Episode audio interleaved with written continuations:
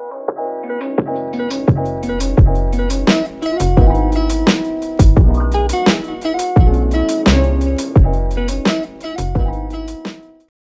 everyone, welcome back to Ayan Indonesia. Hi Ayan Indonesia citizen, how are you? So, for the first episode, I bet you're all sangat semangat untuk dengar kita ya. Pasti kalian pengen tahu apa topik podcast kita episode ini. Nah, kebetulan ya, topik kita tuh Mission for Youth behind the establishment of Ayan Indonesia. And coincidentally, kita juga punya narasumber yang sangat spesial untuk hari ini. Extra special guest star Kak Salma sebagai actor Ayan Indonesia. Pasti kalian mau tahu dong apa itu Ayan Indonesia. Nah, introduce yourself Kak Salma. Halo semuanya. Hai. Hi Andrew. Ooh. Okay, it's me here. My name is Salma Altok Tilisti Pujartono. Nama aku Salma Altok Tilisti Pujartono. Boleh dipanggil Salma Pujo. Saat ini masih berkuliah di Shantung University, Tiongkok, jurusan International Politics. Halo semuanya, selamat kenal. Halo, uh, sangat menarik. Berarti sekarang masih di uh, China ya untuk saat ini. Kuliahnya masih di China, tapi Mhm. kuliahnya masih online juga. Kuliah online Oh. di Solo. Betul juga sih, pas pandemi ini kita masih perlu semangat belajar ya Kak. Semangat, semangat, semangat. Nah pasti para pendengar ingin tahu itu sebenarnya what is Ayan Indonesia sih? Like they wanna know what exactly it is.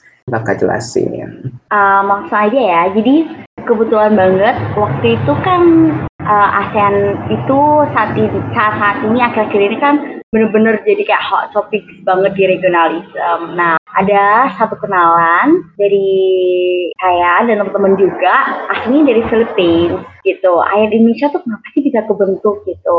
Jadi awalnya memang kami tuh dari Philippines ada namanya ASEAN Youth Advocate. Jadi mereka punya kayak suara-suara di Philippines. Philippines tuh juga lagi naik-naiknya banget tentang kegiatan volunteering dan lain gitu. Nah, karena dari situ Ayan Indonesia hadir dan lahir. Jadi yang namanya em, kita ngobrol-ngobrol sama yang namanya Myres, Myres Ponon. Nah, dia itu salah satu mahasiswa di DeSalle University, Philippines. Jadi kita ngomongin tentang eh, gimana sih ASEAN itu, aku, eh, aku itu apa sih, kayak gitu. Dari situ mulai terbentuknya sih ASEAN Indonesia.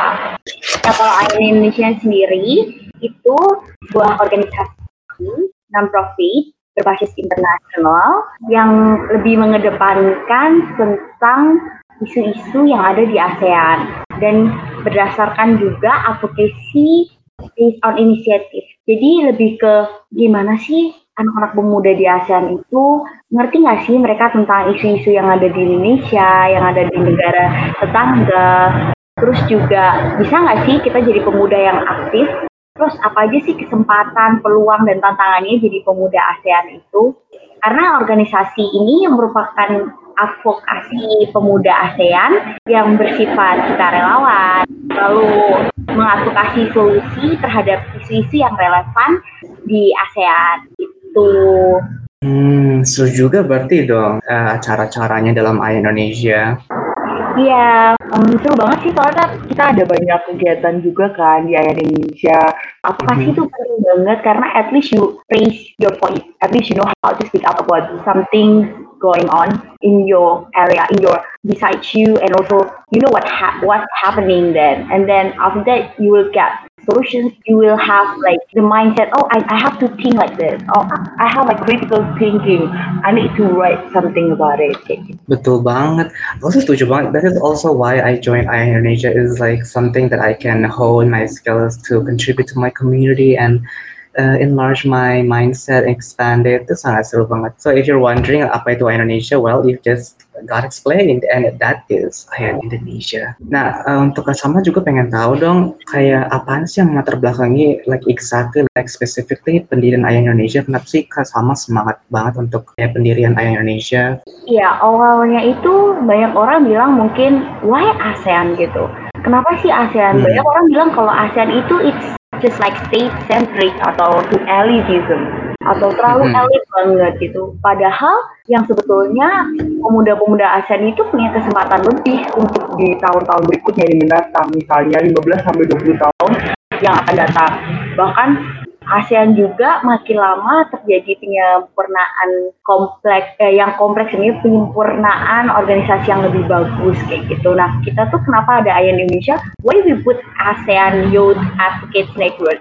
Means like ASEAN itu sendiri ternyata udah jadi regionalisme yang benar-benar kuat dan kenapa itu youth pemuda karena kita dipercaya bahwa ASEAN itu paling banyak itu pemudanya di uh, ASEAN gitu. 16 sampai 30 tahun itu kita bakal dapat bonus demografi yang penting banget di situ. Nah, kenapa advokasi? Karena nggak bisa langsung satu direct to the point bahwa oh ini gini gini gini gini untuk menyelesaikan masalah pasti perlu yang namanya advokasi seenggaknya you have to raise your voice first nah dari sini dari advokasi advokasi yang ada itu bisa juga menja- me make your own networks. Dari situ kita bisa ketemu sama teman-teman yang punya satu pendapat sama kita ataupun yang beda pendapat yang bisa kita saling sharing dan lain.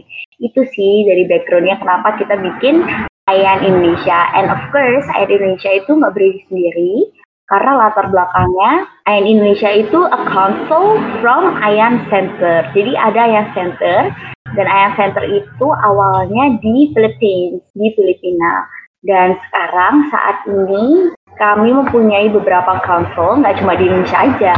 Ada AYAN Malaysia, and then Brunei, Myanmar, terus Thailand, Singapura, gitu. Yang belum itu sekarang AYAN Thailand sama Laos, kalau nggak salah. Iya, gitu. Jadi setiap country kita punya ayan punya council sendiri, ayan council sendiri yang lebih fokus tentang isu-isu yang ada di dalam negara internal dan also isu-isu yang ada di ASEAN secara luas. Bagus banget. Jadi nanti harap di masa depan siapa tahu like ada ayam di setiap negara ASEAN itu sangat uh, kita akan menunggu hal tersebut because it's so fun and we love it and we love it. It, it it's about youth advocacy and I think it's so important in, build, in building and bridging the future of today's generation towards the next you know Uh, speaking of youth, kan Kak Salma udah menjelaskan latar belakang dan menjelaskan apa sih yang Indonesia pasti ini menarik minat para pendengar. Jadi sebenarnya tuh apa sih misi yang akan dibawa oleh Ayah Indonesia pada pemuda-pemuda di sini, Kak? Jadi kayak dari Ayah Indonesia sendiri lebih memfokuskan tentang apa aja sih kegiatan sukarelawan yang bisa kita lakukan selama ada di Indonesia di Indonesia itu sendiri terhadap ASEAN. Jadi tujuannya itu lebih untuk kayak advokasi warga negara untuk pembangunan negara. Ketika kita udah bisa mempromosikan atau memperluas tingkat partisipasi keterlibatan warga negara uh, Indonesia dalam pembangunan pemuda negara-negara di anggota ASEAN, itu tuh juga salah satunya bisa membantu tentang rencana pembangunan pemuda secara keseluruhan ASEAN dan juga PBB. Jadi kayak world youth gitu. Kayak misalnya ini ayat Indonesia mencoba untuk memfasilitasi buat teman-teman yang punya pandangan ataupun perspektif lebih bagus tentang gimana sih seharusnya kita pemudanya eh, kita ke depannya menjadi pemuda itu. Misalnya juga bisa mendapat eh, melakukan kayak tindakan-tindakan um, action untuk ke ASEAN ke depannya misalnya ada yang hmm. namanya acara-acara kepemudaan atau kita bisa punya gathering atau menghimpun data-data. Dan yang bagus yang paling aku suka lagi sih ke komunitas jadi karena kan dimulai dari bawah jadi kita dari grassroots banget kita ambil dari komunitas-komunitas kecil sampai nanti bisa secara kompleks se Indonesia dan ntar di summit paling tingginya se ASEAN gitu. Seru-seru banget, seru banget. I love it. Jadi kayak I think Indonesia tuh punya potential uh, pemuda yang sangat besar tapi I don't think it has reached that point yet. Tapi dengan Ayan Indonesia ini I believe kita bisa maju secara negara dalam pemuda-pemuda kita. Amen. Oke okay, jadi kalau misalnya menurut Kak Salma pemuda-pemuda punya tujuan tersebut tapi gimana sih menurut Kak Salma tuh respon pemuda Indonesia sampai saat ini ya tuh mengenai Ayan Indonesia apakah sesuai dengan ekspektasinya Kak Salma? Um, dulu banget, um, I was in the volunteering program and so on. It was not so popular during that time. Tapi sekarang itu aku lihat udah mulai ada yang namanya kayak pergerakan atau transisi pemuda-pemuda Indonesia untuk lebih banyak speak up, mengekspresikan diri mereka ataupun mereka kayak udah thirsty about I wanna do more, I wanna do more kayak gitu. Nah dari Ayan Indonesia ini aku juga lihat teman-teman, semua teman-teman dari Ayan Indonesia antusias banget terhadap oh ini ya ternyata kalau di organisasi international led basis tuh kayak gini ternyata ya. Oh ternyata volunteering tuh asik juga ya. Kayak banyak orang-orang mikir kenapa sih kita harus volunteering, gak penting banget deh itu dulu during that time because it wasn't popular and also why I should waste my time. But right now, everyone was like trying to open their mind, and then I know this one is a good point, and the way I would like to say the way the maybe that I want to distribute or at least spread my voice, spread spread my opinions. Mm. Gitu. Nah, jangan kayak di ASEAN sendiri, karena tadi masih merasa kayak oh kayak berasa elitism kan. Jadi back to elitism lagi. No, I want to bring this IAN Indonesia from grassroots to the mm-hmm. national point or to international point. Kayak misalnya di Indonesia juga, kan di sini kita nggak cuma satu konsol kan, ya konsol Indonesia. Jadi kita ada banyak konsol misalnya di Singapura, Malaysia dan lain. Itu bisa kayak, you know that why we are ASEAN, you ASEAN. Kenapa kita pemuda ASEAN sih? Karena kita bisa share values dari situ ASEAN itu kita tahu oh ternyata ASN itu punya pilar-pilar yang sama. Dari situ kita tahu kalau jati diri kamu juga kita punya sama-sama culture yang sama gitu. Nah ini yang kita mulai tanamin buat teman-teman di Indonesia because we share identities we want uh, like we have the mutual symbiosis mm -hmm. or the mutual cooperation between countries gitu. Lagi Indonesia kan besar banget nih. Aku rasa Indonesia tuh bakal punya peluang yang besar banget 5 sampai 10 tahun ke depannya di ASEAN dengan dari masyarakat ekonomi ASEAN dan beberapa program kerja dari ASEAN juga lainnya, free trade area dan lain keamanan. Itu penting banget di pilar-pilar itu untuk buat teman-teman ASEAN Indonesia, ayah Indonesia untuk ngerti. Menarik banget sumpah Kak. Tapi itu menurut Kak Salma, apaan sih yang bikin Indonesia unik gitu? Kayak susah nggak sih membawa misi ini ke pemuda Indonesia kayak kalau dibandingin dengan other countries in ASEAN? Boleh dibilang sih gampang-gampang susah. Karena just be honest, we are a big population. We are the fourth world population. It's mm -hmm. not mm-hmm. easy just to make integrate everyone to be one aspirations nggak su itu nggak gampang gitu itu pasti sulit banget kalau misalnya kita harus nyatuin semua suara-suara yang ada karena Indonesia itu kan memang Bhinneka Tunggal Ika kita bermacam-macam mm -hmm. dan kita punya lebih dari 300 etnik untuk pemuda hmm. ASEAN sendiri, umur 16 sampai 30 tahun itu adalah umur-umur yang penting bagi bonus demografi Indonesia. Indonesia itu punya potensi selain bonus demografi adalah jumlah penduduk, meningkatnya produktivitas, dan perpindahan teknologi dari anak-anak pemuda di Indonesia. Lagi banyak banget yang namanya ada startup, terus kegiatan-kegiatan pemuda itu tinggi banget. Jadi Indonesia itu meskipun itu sulit, kita tahu bahwa bahwa pemuda Indonesia ke ASEAN itu sulit, but we should do it because of what? Karena tantangan dan peluang itu udah ada di depan mata.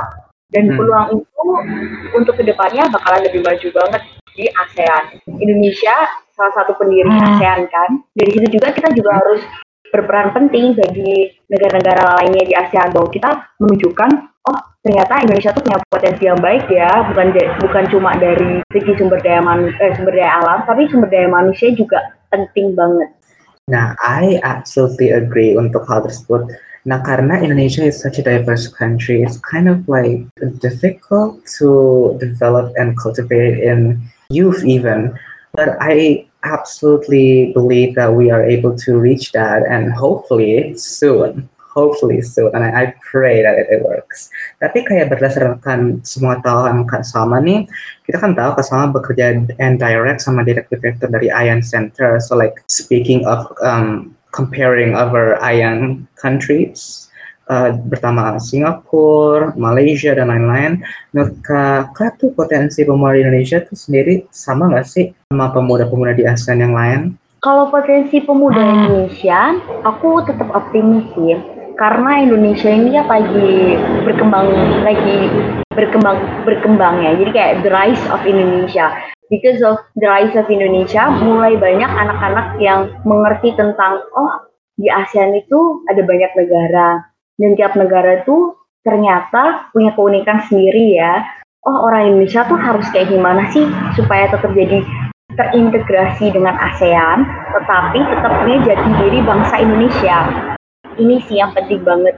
Negara-negara lainnya yang misalnya kita um, developed countries, misalnya Singapura, gitu. Nah, orang-orang Singapura itu juga teman-teman dari pemuda Singapura itu juga aktif banget. Nah, Indonesia juga nggak mau kalah dong untuk jadi aktif. Philippines juga lagi mereka kayak the rise of Philippines untuk kegiatan-kegiatan volunteering, terus habis itu kegiatan-kegiatan kepemudaan banyak banget dilakukan di Philippines.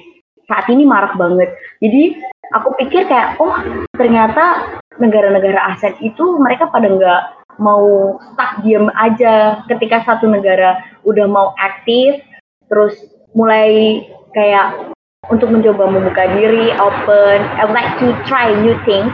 Mereka mau nyobain satu persatu hal-hal yang mereka bisa lakuin sebagai pemuda, terus nih ngangkat isu-isu sosial, politik, ekonomi, dan lain-lain, itu udah mulai menunjukkan kayak satu step yang bagus buat ASEAN. Dan Indonesia sendiri juga lumayan bagus. Menurut aku sendiri, teman-teman juga pada antusias banget dilihat dari kemarin waktu oprek membership itu tiga hari oprek capek banget karena kan kita cuma buka open recruitment selama satu minggu tapi yang daftar itu lebih dari 300 400 gitu hmm. I think it was it was 300 or something ya yeah. it was quite capek banget untuk mencoba buka-buka event tapi seneng banget wah ternyata banyak banget ya teman-teman yang pada antusias yang pada pengen ikutan, pengen gabung, pengen hmm. join gitu. Ternyata mereka aware ya tentang ASEAN ini.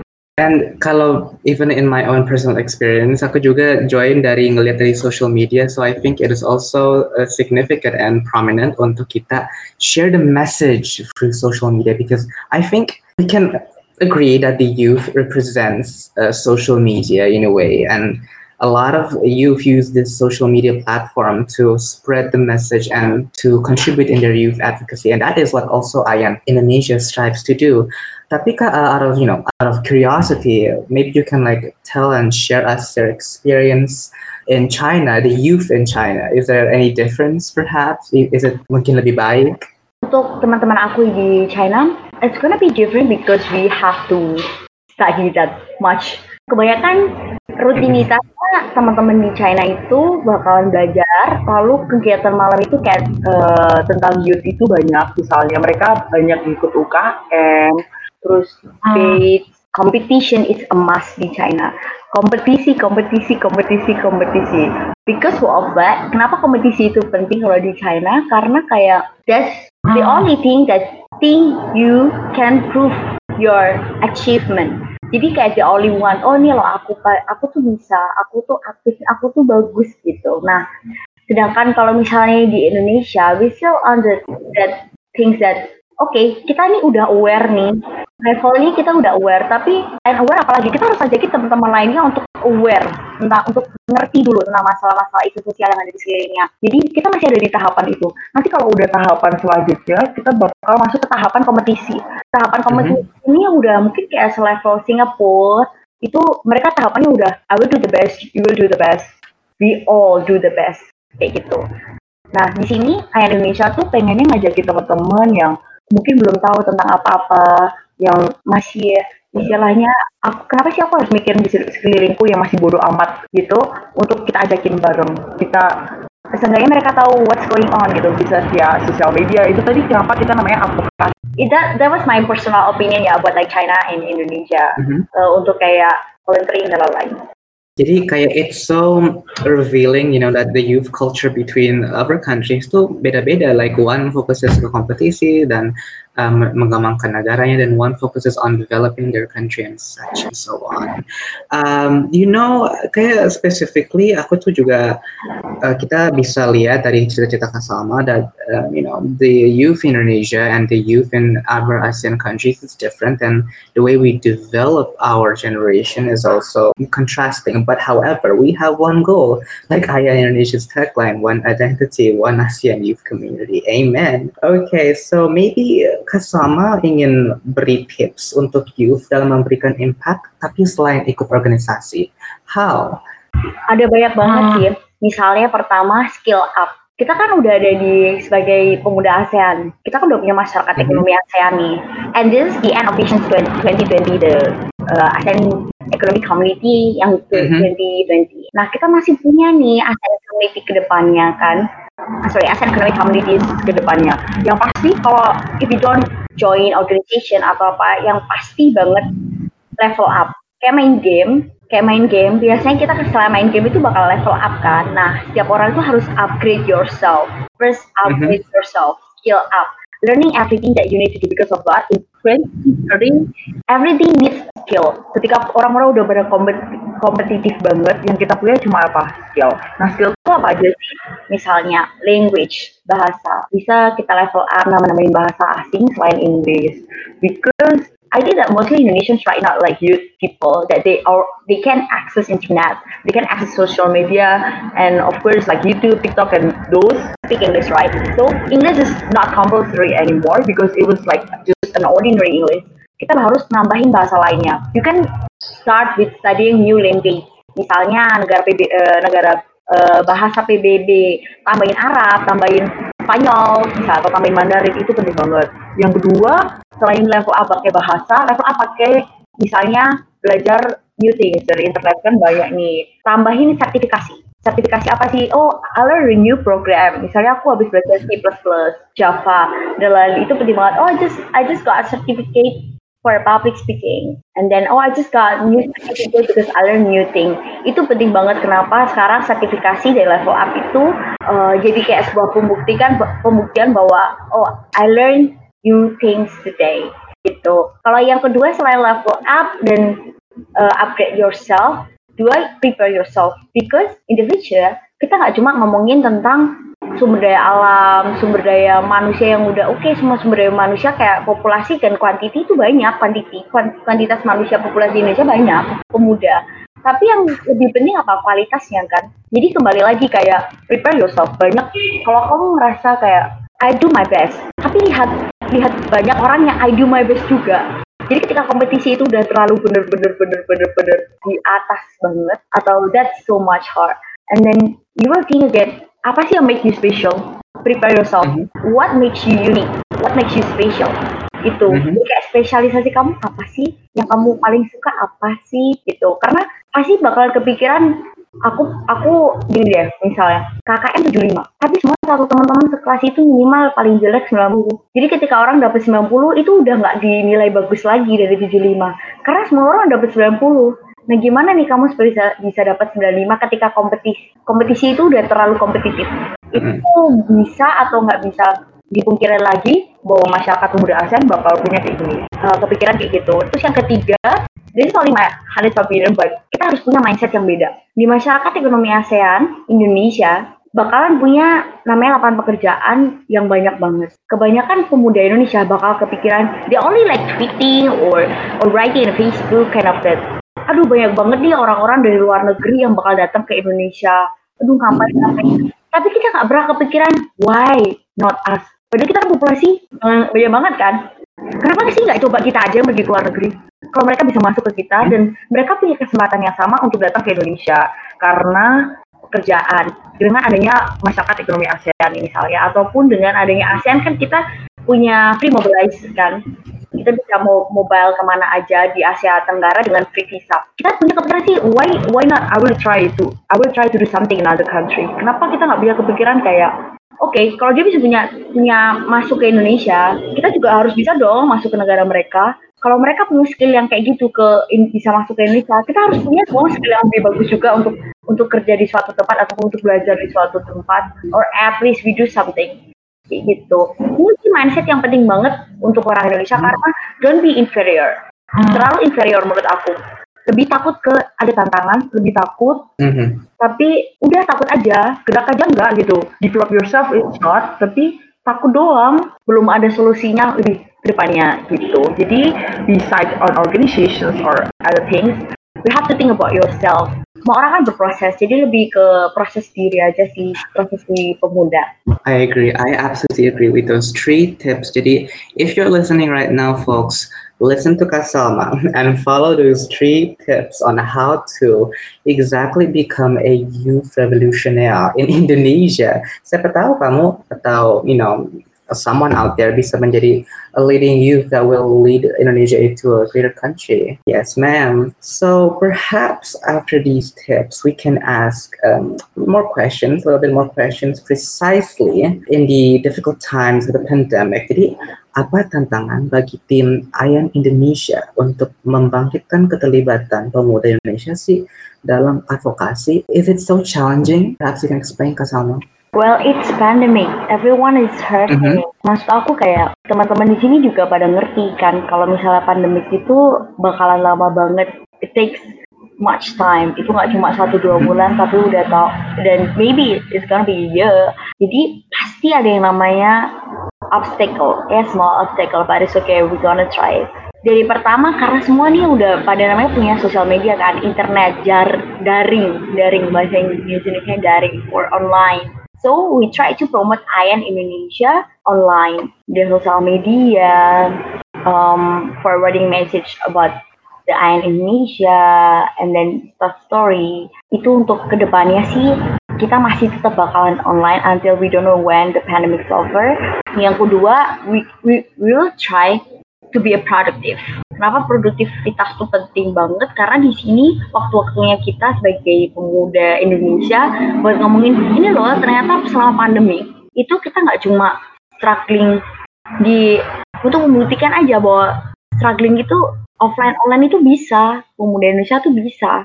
Kita punya cara sendiri sebagai pemuda Indonesia. Dan apalagi semua tuh gampang diakses selama anda punya internet dan kuota Nah dari situ kita bakalan ngobrolin tentang isu-isu pemuda Indonesia, tentang ngobrolin isu-isu yang ada di ASEAN, atau pengen tahu tentang culture-nya negara lain, bahkan kayak serba-serbi gitu tentang apa yang udah terjadi, and then analisa tentang keadaan-keadaan mereka. Atau bahkan yang paling kecil-kecil kayak foodies kalau memang orang suka foodies makanan dan lain kita bisa juga kayak tahu dari posting-postingannya Ayan tuh misalnya oke ini ada ntar ada makanan ini ya. Oh ini ada tarian ini ya dari mana dari mana. So like enrich your knowledge mm -hmm. selama pandemi I agree. For you listening out there, you people, harus semangat untuk belajar, harus semangat untuk share the awareness and utilize our social media and utilize our online presence to create an advocacy as a networking of youth, a cultivation of social advocacy and such. Because, you know, we have the potential we have the chance, the opportunity, walaupun ini bagi pandemi, online, offline, I think it doesn't make a big difference in our um, activism, you know? So while there is an online uh, opportunity, I think we can use that to create more, uh, a better enrichment of our mindset. Maybe we have one more question for Kasama. Jadi itu Kasama, what is the motivation untuk uh, Indonesian youth untuk terlibat dalam inisiatif-inisiatif baru dari pengalaman Kasama sejauh ini? Aku uh, berharap ya sama kayak berharapnya sih pemuda Indonesia lebih ngerti tentang isu-isu yang ada di samping mereka ya. Bukan cuma tentang yang jauh-jauh di sana tapi juga ngerti oh ternyata Indonesia sih butuh apa sih? Karena penting banget untuk pembangunan negara. Dan kayak di Ayan Indonesia ini karena masih selama pandemi jadi kita bakalan kayak boosting promoting Ayan Indonesia untuk ASEAN Youth sendiri. Uh, semasih bisa uh, non face to face atau online kita bakal kayak banyak promote-promote gitu. Tapi kalau misalnya entar when the pandemic is over we really glad to have a summit se Indonesia jadi di sini untuk motivasi pemuda-pemuda ASEAN untuk nggak patah semangat untuk menghadapin global competitiveness di masa ke depan. Nah oleh karena itu yang dipentingin lagi di put much effort in isu-isu sosial yang ada di Indonesia di sekeliling kita. Nah itu tadi yang aku bilang uh, isu-isu yang ada sosial di, di deket-deket kita aja start dari hmm. grassroots. Dimulai dari kalian paling gampang emang SDG ya. Di motivasinya di Ayan tuh aku lebih ke grassroots ke komunitas-komunitas kecil di SDG Sustainable Development Goals. Nah, mulai dari situ level up ke nasional and then level up international, baik itu offline and off online. And we love it, we love it. I think uh, harap di masa depan itu Indonesia bakal berkembang lebih lanjut ya kak. Amin, amin, amin. Jadi doain ya, semoga kita punya ini offline uh, setelah misalnya pandemic is over, nanti semoga hmm. kita punya kayak Ayan Summit di Indonesia Ooh, so fun. I can't wait. I can't wait. I hope this pandemic ends soon, I swear. Mungkin Kak Salma mempunyai um, last words for our listeners out there. Hello, um, thank you for listening Ayan Indonesia podcast here with Andrew Fabian and then just wait for another podcast with us. Please let us know if you have any opinion about Indonesia and if you are willing to join with our programs. We are so happy to have it because we are the Asian youth in Indonesia. We would like to promote about the Asian identities and also like to promote the Indonesia itself to develop more Indonesia, uh, more national development. Yes, thank you. Okay. Well, you've seen it here and you've listened here, folks. Salma. She is the director of Indonesia, and if you would like to know more about her, well, you can simply go to at Indonesia in Instagram. Find Kasama, and contact her for more details regarding Ayan Indonesia. Wham bam, thank you, ma'am. So, thank you all for listening. I hope you have an insightful listen to this episode of our podcast and expand and enrich your mindset towards what is ASEAN, what is ASEAN, what is Indonesia? It's a country, hey. Anyways, thank you so much for listening, Ayan Energy Citizen, and stay tuned for more episodes in Ayan Opinion. Wink. Have a good day. Bye. Bye.